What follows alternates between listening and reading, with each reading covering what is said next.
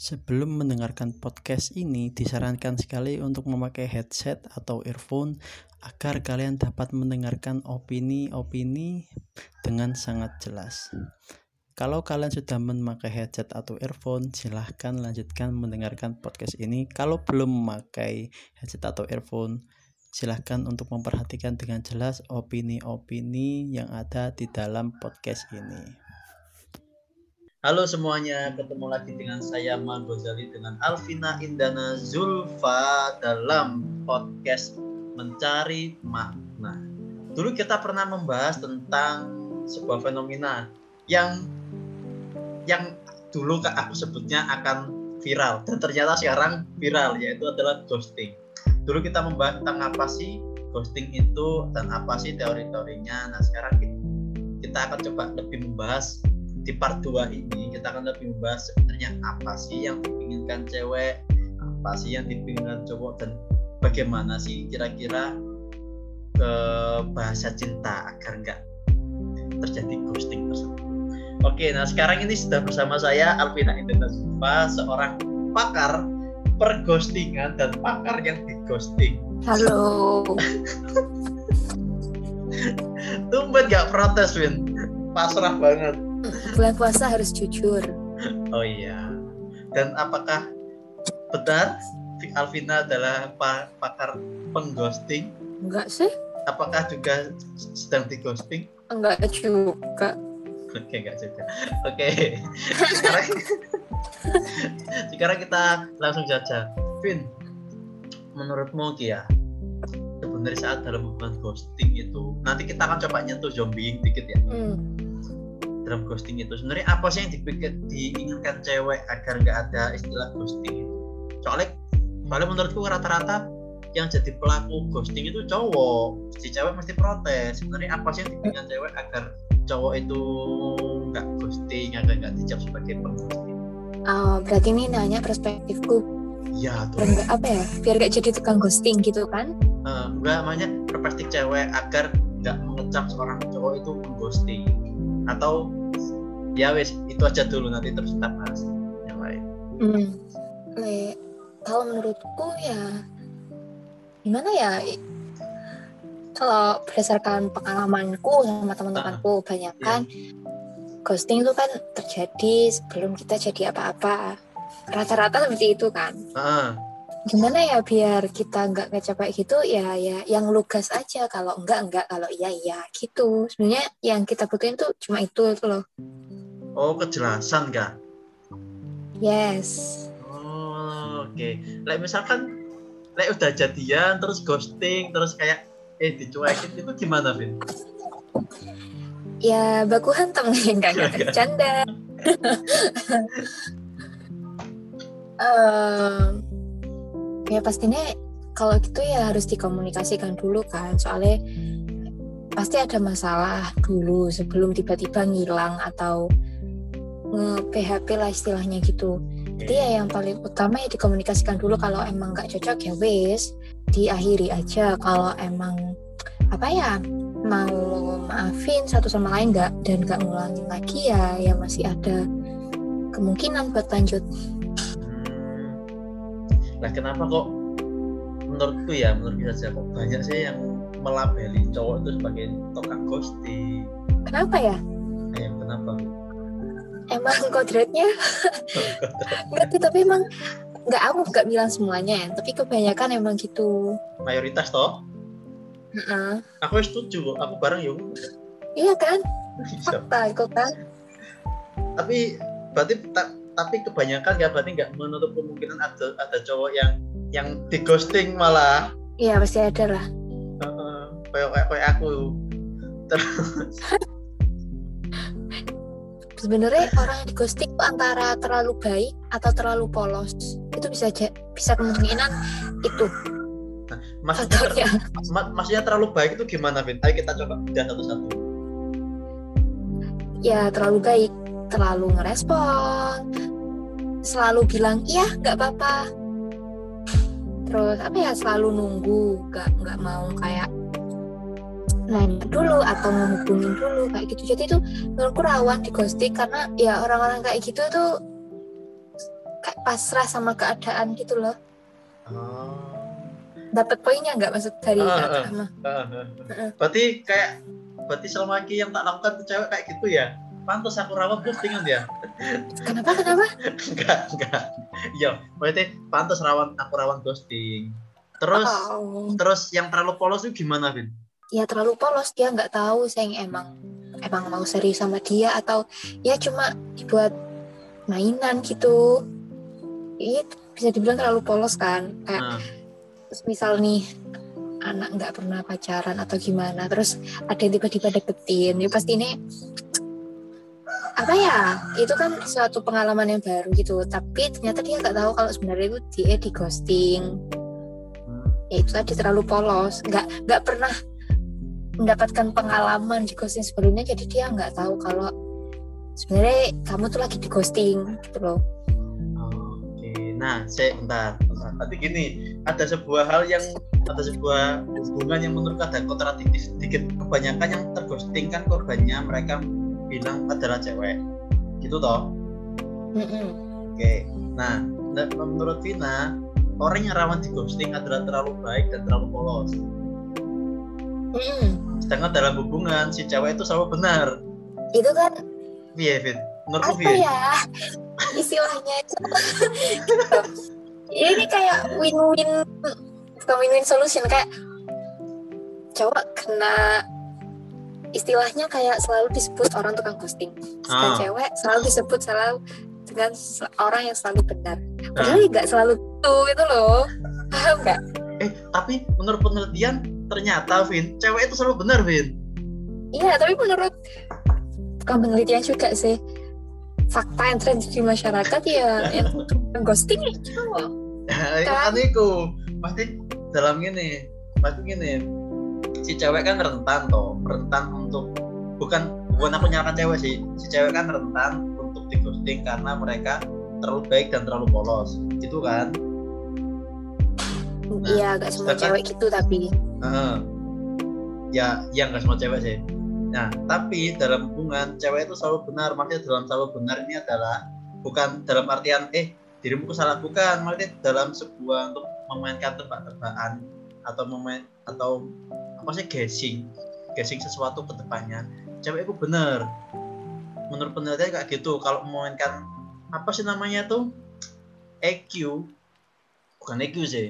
Kayak feeling untuk menebak suatu kejadian ke depan. Itu cewek lebih mulai menurut penelitian yang tak pernah tak baca itu lebih lebih tepat. Lebih peka. akurat.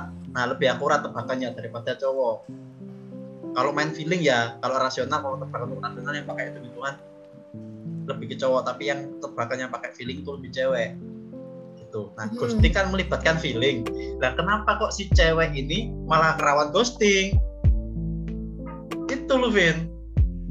Sebenarnya ya, Hmm. kita tuh sebelum di ghosting tuh udah ngerti itu loh kalau sebenarnya dia tuh nggak serius. nah. Kita tuh kayak selalu nunggu. apa alasannya selalu nunggu. itu loh aku sih penasaran itu seriusan ya karena Hmm. ya ada faktor X-nya gitu loh kayak apa itu Masih itu apa harapan, masih oh harapan. tuh. Padahal ya wis ngerti lah sebenarnya mau bakal di ghosting akhirnya bakal gitu. Oh, alah, berarti masih menaruh harapan kepada seseorang ini. Meskipun dia Mm-mm. sebenarnya tahu. Mm-mm, meskipun kita jelek-jelekin gitu ya tapi dalam hati kadang kalau dia balik ya aku malah mau gitu loh kadang terkadang Nah, itu apa? Apakah karena cinta, Wena, ataukah karena maybe kebalik mungkin atau karena karena hubungan eh, yang bergantung pada dia? jadi. ya bisa jadi banyak alas banyak alasannya ya karena yang pertama tadi karena yang kedua ya bergantung. Ketika kayak wis mal males cari pasangan lagi banyak faktor sih sebenarnya. Tergantung masing-masing individu. Nah, lek menurutmu, Win, lek menurut kasus Elvina seperti apa? aku apa kenapa emang nah, Iya, eh, dirimu belum pernah di ghosting berarti? Lu nggak nggak pernah sih kayak eh. Nggak pernah alhamdulillah kalau gitu. Tapi tapi nggak ghosting sering kayaknya. Enggak enggak Nggak juga. Ya udah. Eh gitu Vin. Berarti kan ada alasan ada alasan yang kita sebut aja dengan cinta. Dari cewek itu ngerti mau di ghosting menurutmu ya dari cewek itu mau ngerti mau di ghosting tapi kok sudah tahu ada lubang tapi kok masih diceburin itu toh? Ya itu cewek. Cewek itu cewek. Oke. Nah kalau cowok yang perilakunya kayak gitu gimana Vin menurutmu gimana? Ya kalau cowok ya? Kalau cowok sudah tahu nih ke depannya kayaknya nggak bakalan bisa sama dia. Tapi karena namanya wes wes ada tes gitu ya ada tes sampai ad- ada feeling ada klik gitu sama dia. Kita hanya kita kita berespektasi sendiri saja. Terus tiba-tiba ya udah sama dia aja bagaimana menurutmu kalau ada cowok yang sifatnya kayak gitu set boy kan hmm. sebenarnya gak sedikit sih yang kayak yang kayak gitu juga kayak Hmm. udah tahu ceweknya nggak mungkin mau tapi dia tetap berharap gitu banyak loh Nah, itu menurutku Kan- gimana, Vin? Iku cowok iku mau Heeh. apa enggak? Rata-rata cowok kayak gitu menurutku ya, menurutku saja menurut pendapatanku. Mereka jarang dapetin yang dipinginkan. Nah, itu itu kenapa? sebenarnya aku juga bingung kenapa rata-rata orang yang emang benar-benar mau malah ketolak gitu kan. Nah, aku juga bingung kenapa. Nah, karena aku sendiri dulu ya pernah gitu. Tidak tahu ya mungkin karena caranya dia yang terlalu kekeh mungkin bikin si ceweknya tuh ilfil atau gimana tuh kan bisa jadi juga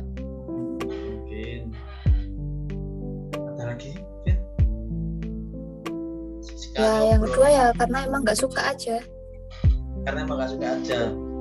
Kalau oh alah. kalau misalkan tapi kok banyak kasus yang di friend zone, Vin, sudah suka di tapi kok ya udah nyaman jadi teman aja. Menurutmu gimana? itu mungkin Hmm. friendzone Nah, soal friendzone tapi sama-sama Kalau di sama friendzone, ghosting. hmm. kan gini misalkan contoh kasus ini ya kasusnya misalkan nih saja aku sama kamu sama orang lain cowok lain aku sama kamu udah temenan lama nih aku suka sama Hmm. kamu. Dan dirimu sebenarnya suka sama aku. Gitu kan. Mm-mm. tapi ada cowok lain yang berani untuk ngomong sama kamu. Akhirnya kamu Mm-mm. sama dia. Dan kita dan kamu ghosting aku lah. Aku nggak berani ngomong. Tapi suatu saat saat kamu berantem dirimu balik ke aku tapi sebagai teman saja. Dan gitu aja siklusnya terus. Ada cowok baru lagi gitu gitu aja terus. Kamu ghosting aku. Dan gitu kesimpulannya nggak jodoh. Apa ya kalau gitu mungkin kenapa nggak berani ngomong? Kan mungkin takut canggung kan. Karena vibes-nya tuh beda banget antara temenan sama sama kalau nanti ada hubungan khusus tuh bakal beda banget. Nah itu mungkin yang mereka jaga. Si cewek atau cowok dua-duanya. Dua-duanya oke. Jangan si cowok ini pengen pengen banget tapi dia nggak berani emang emang nggak berani mungkin. Ya itu tadi karena terlalu deket sebagai teman dia takut sing cewek nganggep dia eh, teman terus tiba-tiba lagi yang ngomong gitu bakal canggung kan bakal awkward kan jadinya. Jadi dia pilih zona aman. Dia lebih aman sebagai Tapi teman saja. Heeh. tapi si cowok ngarep tapi kadang ceweknya juga ngarep cuma nunggu gitu loh. Jadi, ya gitu tadi dua-duanya nunggu. milih ke zona aman nah terus yang break the silent atau break break the waiting time itu apa? Misalkan kalau ada kan mereka sama-sama nunggu misalkan ada yang break yang break the fighting time itu apa? Itu breaknya gara-gara apa? Tengkar gitu kah? Enggak gimana? kan mereka sama-sama nunggu toh. Apa yang bisa memecahkan memecahkan rasa menunggu itu akhirnya berani oh gitu apakah harus cowoknya apakah harus ceweknya nggak ada nggak ada apa ya nggak ada aturan khusus ya buat itu Hmm. menurutku cuma ya rata-rata kalau sebenarnya kalau aku pribadi ya sebagai cewek ya bakal malu kalau ngomong dulu kalau ngomong duluan ya pasti aku sih nunggu terus nunggu nunggu nunggu nunggu aku, aku Oke. pribadi. Hmm. berarti harus cowok aku Oke. pribadi loh ya Iya, tapi yo emang emang rata-rata gitu kalau berarti harus cowok yang ngomong dulu gitu. Heeh. Lek ngomongin masalah gitu, Bin. Ini ada sebuah teori yang eh bukan ya teori sih. Tahu Buya Hamka? Nah, tenggelamnya kapal Vanderwijk dia punya teori menarik ini itu ada sebuah teori tentang mas- masalah mencintai dan jangan ghosting ghostingan dan mungkin mungkin kalau ada teman-teman yang setuju atau nggak setuju mungkin nggak setuju atau setuju juga boleh boleh di, kita diskusikan nah Buya Hamka ini membagi cinta itu menjadi dua. Tergantung dari jenis kelaminnya. Bagaimana cara mencintai tergantung tergantung dari jenis kelaminnya. Yang pertama adalah dari segi cowok dan yang kedua adalah dari segi cewek. Nah nih dari segi cowok nih menurut Buya Hamka nih cowok jika sudah benar-benar mencintai seorang cewek kayak guru filsafat menurut Buya Hamka dia akan mengeksklusifkan wanitanya hanya untuk dia. Jadi misalkan nih ada temennya yang membahas masalah eh membahas masalah kecantikan wanitanya kebaikan wanitanya bagaimana bisa rasa cintanya mereka. Si cowok gak suka karena si cowok pengen si ceweknya tuh si, cewek, si ceweknya tuh untuk pengen dia dia saja. Gitu. Nah berbeda dengan si cewek. Menurut Bu Hamka loh. Eh hey, berarti kalau misalkan dari teorinya Bu Hamka kayak gitu dapat disimpulkan kayak gini. Kalau ada cowok yang cuek bukan cuek sih. Yang cowok yang dia malah membanggakan kayak apa ya namanya kalau kalau ada orang lain yang menurut WHM itu perlu dipertanyakan lagi cintanya atau di dikonfirmasi ke dia kenapa sih kayak itu dikomunikasikan ke untuk ngetes si ceweknya si ceweknya komunikasi ke cowoknya gitu. Nah sedangkan si cewek berbeda berbedanya kayak gini. Semakin masyur si cowok semakin terkenal si cowok semakin banyak uh, orang yang mengenal si cowok semakin tinggi derajatnya maka si cewek akan semakin cinta. Uh, seperti kalau si BHK ngomong kayak gini. Si cewek akan semakin bangga untuk mem memperkenalkan mengenalkan cowoknya kepada temannya. Kayak ibarat si cewek akan semakin bangga kalau menunjukkan perhiasan kalau menunjukkan uh, apa namanya tuh kalau menunjukkan tas yang ber, ber, bermerek ke temannya.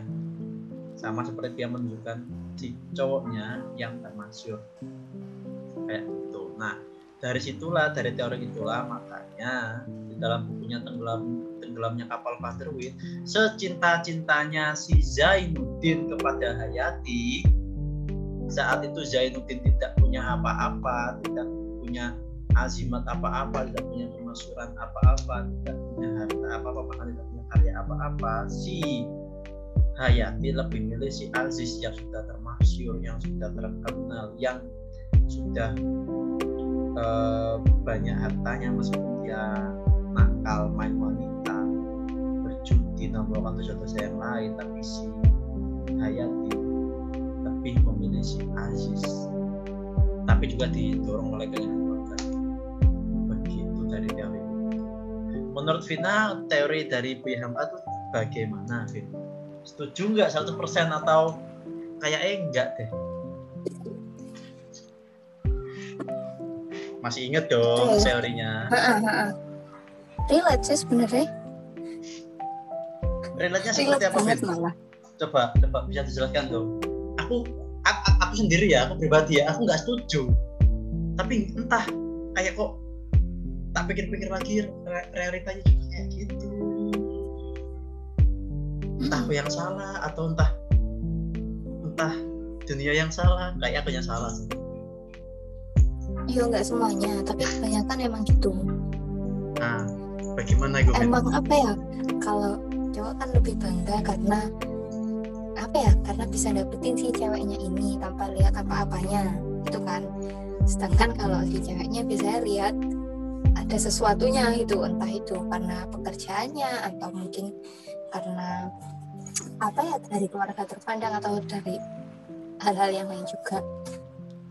Eh, menurutku itu ya emang sesuatu yang umum.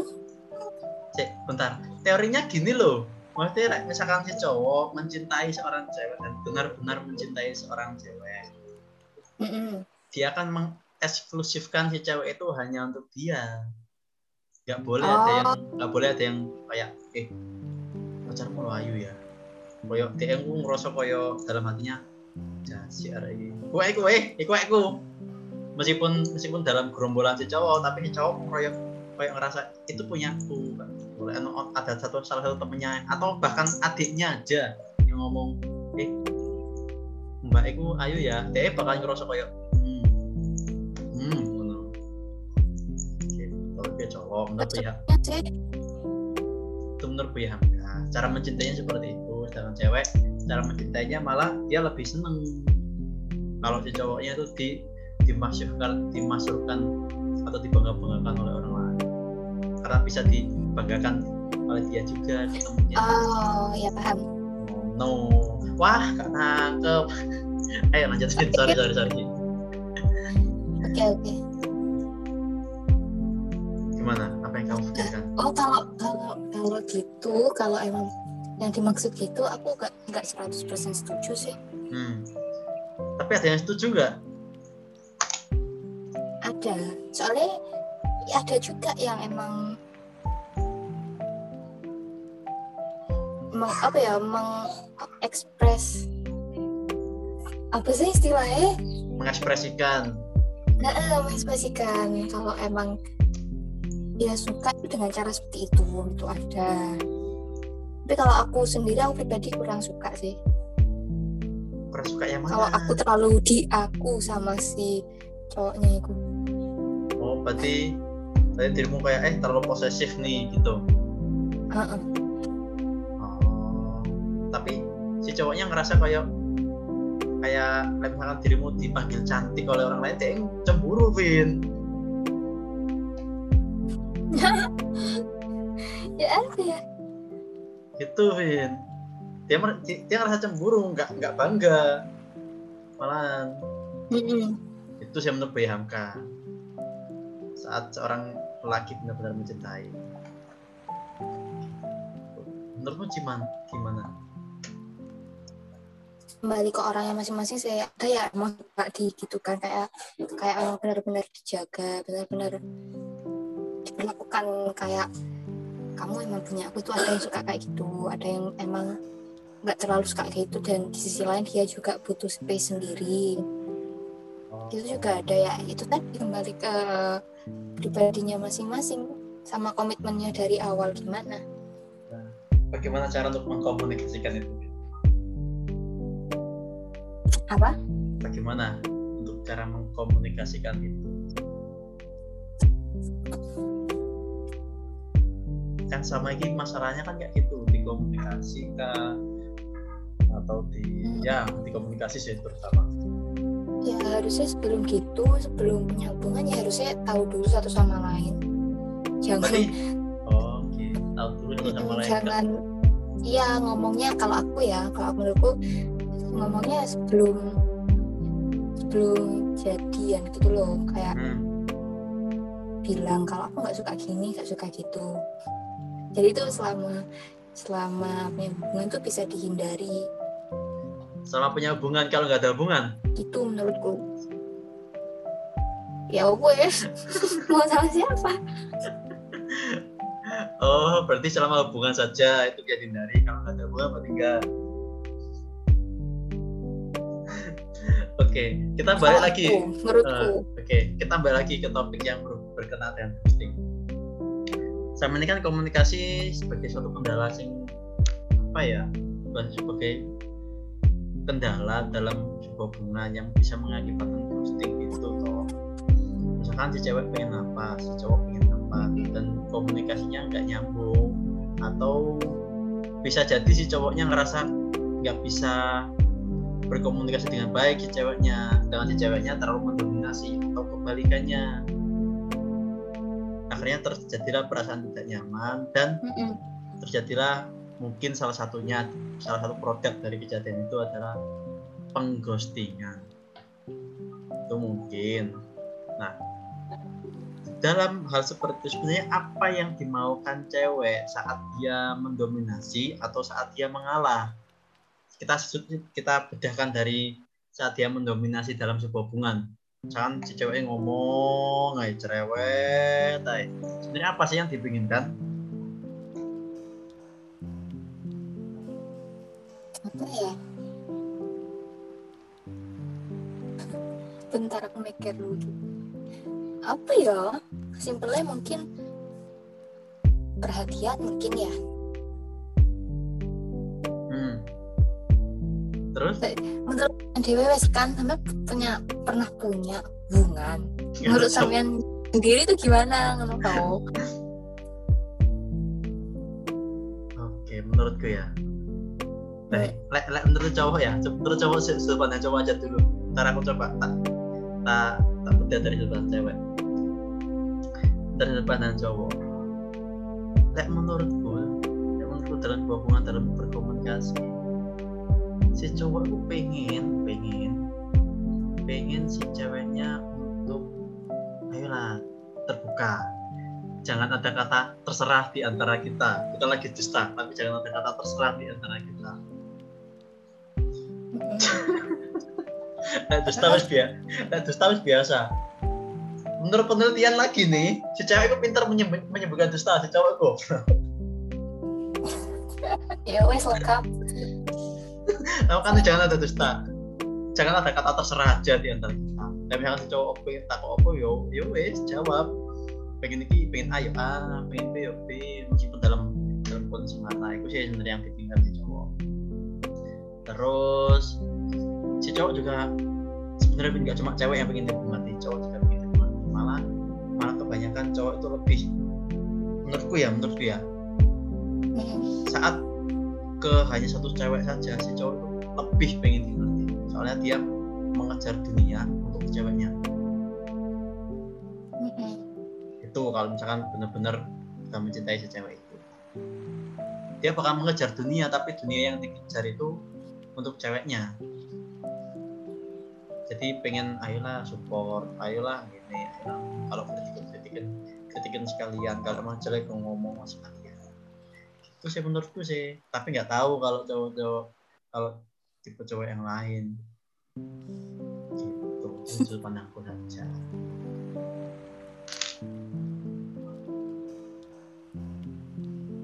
gitu. Menurutku gimana Vin? Kalau sebagai dari pandang cewek sama kah? Kurang lebih sama sih kayak butuh support perhatian juga. Terus? Cara mengekspresikannya itu nggak bisa to the point nah itu itu kenapa? Apakah terlalu apa sih? mengatas kepekaan. Oh mengatasi gengsi. kepekaan. gengsi. Gengsi. Oke berarti egonya play. Si cowok pun juga ada egonya juga main Heeh. tapi si cowok kalau, kalau menurutku ya menurutku ya misalkan egonya main dia bakal mengghosting. Eh ya udah antara aja wes. Antara aja lah daripada daripada sekarang ntar aja lah. Terus bisa. Itu kalau cowok Kak. tapi kalau sudah menjadi seorang pria insya Allah enggak. Mungkin enggak. Gitu. Dia lebih mengalah lah. Mengalah lebih minta maaf kalau kayak yang dibilang sama orang-orang tua dulu kalau si cowok itu siap nikah kalau dia sering minta maaf kepada ceweknya meskipun dia nggak tahu meskipun dia nggak salah. Itu sih sudut pandangku loh ya. Oke nah Vin? Vina ribet ya ternyata sebenarnya sih sih tapi ya eh menurut menurut gini Vin. dalam komunikasi antara dua dua hubungan dalam komunikasi dalam hubungan entah itu percintaan entah itu apa itu apa sih yang seharusnya bisa kita lakukan agar ter- menghindari terjadinya Dalam hal? nggak jelas dalam dalam dalam suatu hubungan agar nggak ada ghosting ghostingan agar nggak ada Hmm. salah paham To the point, to the point. Hmm, belak-belakan. Tapi itu sulit yang dilakuin. berarti lebih open sama pasangan. Mm-mm. Kalau nggak seneng ya wis gak seneng. Kan kebanyakan kalau nggak seneng karena takut apa ya takut mancing pertengkaran gitu selalu bilang iya nggak apa-apa gitu. oh. Kalau seneng? Tapi gak belum ngomong. Kalau seneng. Tapi gak belum ngomong ya harus ngomong juga. Biarkan itu salah satu menghargai. Ah, ngomongin masalah komunikasi dalam hubungan percintaan atau sosial ada teori sih sebenarnya dan lebih dan lebih lengkap lah pembahasan kita. Aku nonton di satu persen ini teori ini semoga aja benar Eh, tentang oh ya dalam sebuah dalam sebuah hubungan itu diibaratkan dengan apa sih? Transaksi pasar. Transaksi dalam pasar. Misalkan nih misalkan ada cost dan rewardnya agar adil. Kenapa ada cost dan reward? Agar pihak pihak dalam suatu hubungan itu merasa oh aku memberikan ini dan aku merasa dihargai agar nggak ada rasa kasih misalkan Vina ngasih saya sebuah benda gitu kan? Ngasih saya sebuah benda. Bilang saja itu bendanya menurut Vina dompet lah dompet gitu kan? Lumayan untuk Vina lumayan.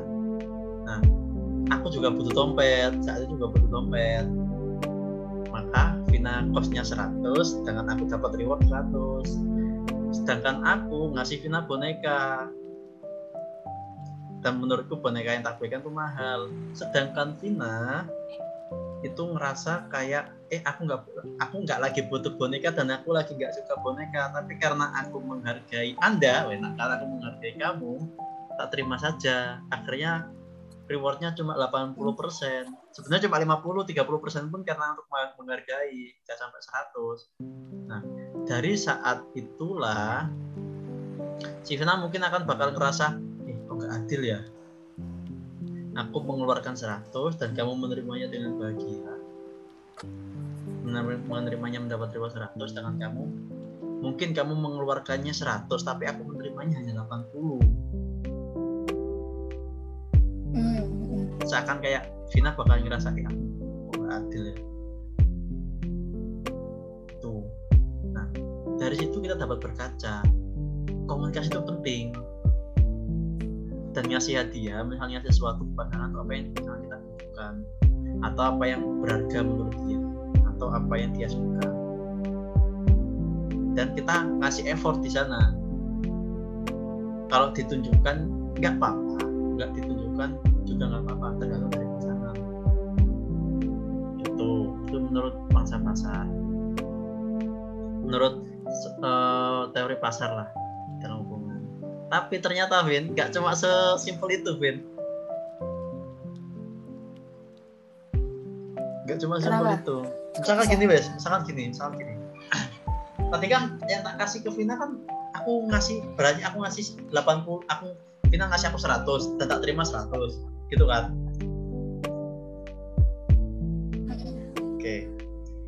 Sedangkan aku ngasih 80 Vina terima 100 Hmm. kan merasa eh saat itu kan terjadi sebuah eh, ketidakseimbangan tuh. Atau ya sudah aku 100 Vina Vina nerimanya 80 nah yang 20 ke mana? Nah itulah terjadi sebuah eh, masalah dengan ekspektasi dengan ekspektasi terhadap pasangan. Misalkan Vina misalkan Vina hanya nerima 80 dalam artian aku sudah mengkos 100 itu kan. Vina ekspektasinya ke aku itu adalah let's say cincin lah sedangkan aku cuma ngasih eh, Vina Vina ekspektasinya aku ngasih cincin berlian. Sedangkan aku ngasihnya cuma bisa cincin emas. Tapi menurutku kosnya sudah 100 itu sedangkan sedangkan Vina ekspektasinya melebihi 100 1 120 maka 20 nya kan mengurangi nilai kos yang sudah tak keluarkan. Gitu. Makanya ada juga peran ekspektasi tapi nah saat itulah komunikasi penting. Dalam artian kita ngomong ke pasangan kita tentang ekspektasi yang kita harapkan dari mereka. Dan peka nggak pekaan masalah peka nggak pekaan itu tergantung kalau misalnya pasangan kita nggak peka atau bukan bukan dalam arti nggak peka atau empatinya terhadap pasangannya itu termasuk yang levelnya rendah kita bisa ajari dengan ngomong. Kita bisa ajari dengan mengkomunikasikan kita bisa ajari dengan menjadi asertif. Kalau mau tahu asertif itu apa lihat di episode terserah. Nah uh, itu masalah yang kedua. Masalah yang ketiga adalah ternyata Vin ternyata nih menurut Ter lagi nih ternyata nggak cuma ekspektasi nggak cuma dengan pasangan kita nih. Ekspektasi di luar pasangan kita pun juga mempengaruhi maksudnya ekspektasi ke orang lain. Iya bagaimana ekspektasi ke orang lain atau ekspektasi ah. terhadap diri kita sendiri. Misal nih misal nih aku sudah ngasih 100 ya kan? Misalkan aku Vina ekspektasinya berlian. Aku sudah ngasih Vina berlian. Aku 100 Vina dapat 100 oke fair kan? Fair kan? Tapi ternyata Vina merasa aku kalau sama si A ini lebih bahagia deh nggak cuma dapat berlian saja deh. Ini dalam hmm. dalam dalam ukuran barang ya. Maka ekspektasi kita akan naik jadi 150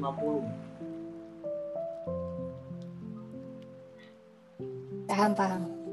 Nah itu pun juga kalau kita merasa aku aku kalau jomblo akan lebih bahagia deh. Aku akan lebih punya me time sendiri aku akan lebih punya uh, apa namanya bisa berpetualang sendiri bisa meniti karir sendiri. Nanti kalau udah bahagia baru bisa nyari. Itu juga bisa.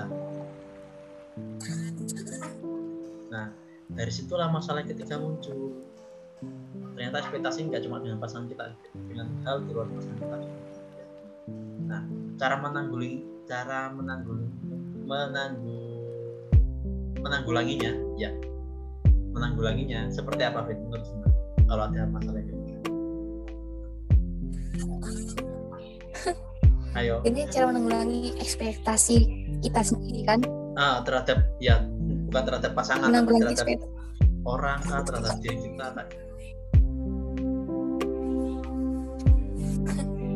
yang pertama ya pasti ya jelas lah gak usah banding bandingin sama orang lain tapi itu itu yang sulit dilakuin kalau aku sendiri ya karena aku sering aku aku pribadi juga sering banding orang lain dan itu gara-garanya karena aku sering scroll Instagram lihat status WA dan sebagainya.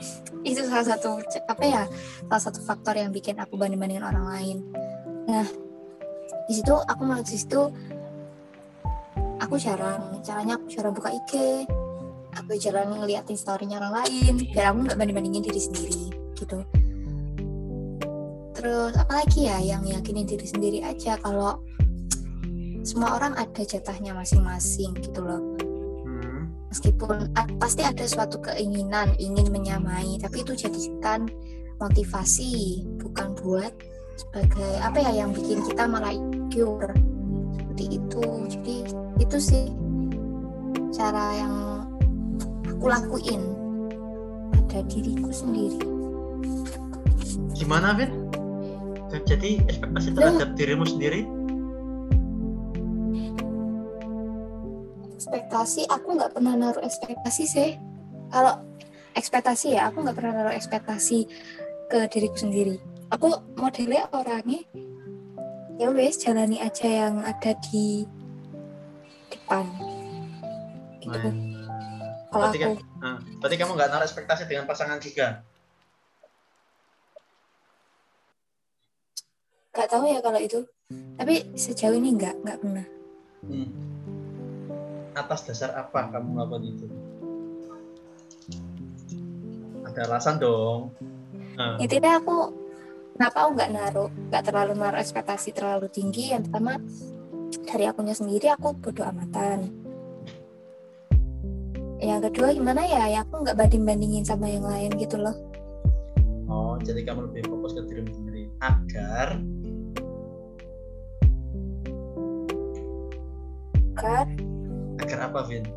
Agar biar nggak gampang sakit hati kan atau agar apa gitu? Oke.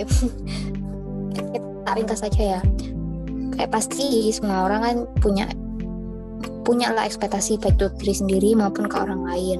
Aku pun juga pernah gitu, aku ngakui juga pernah punya ekspektasi terlebih ke kepada diriku sendiri. Tapi tak lihat-lihat lama kelamaan itu semua malah bikin aku down, bikin aku malah insecure. Dan dari situ aku mulai gak naruh ekspektasi apa-apa ke diriku sendiri. Yaitu tadi biar aku nggak ngerasa aku, biar aku nggak ngerasa jadi orang yang gak berguna. Karena aku pernah di titik itu sendiri. Karena ketika aku naruh ekspektasi di tinggi di aku dan aku nggak bisa dapetin itu itu malah bikin down. Jadi aku nggak pernah naruh ekspektasi apa-apa baik diri sendiri maupun orang lain antisipasi lah lebih tepatnya. Berarti antisipasi karena belajar dari pengalaman dulu toh. Dan gak tersakiti. Berarti Vina sudah dalam artian sudah kebal dengan ghostingan dong?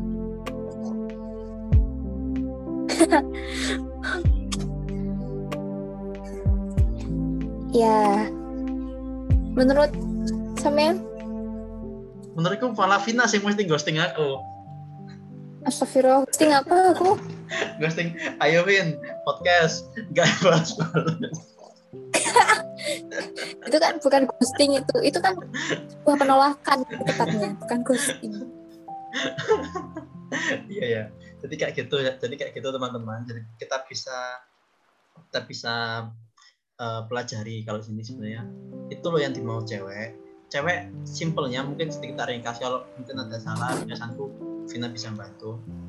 Cewek butuh kok kalian untuk uh, mengkomunikasikan cewek butuh diperhatikan dan cewek butuh kejelasan dalam sebuah hubungan agar tidak terjadi terjadi pelabelan ghosting terhadap cowok. Nah cowok juga pun sama.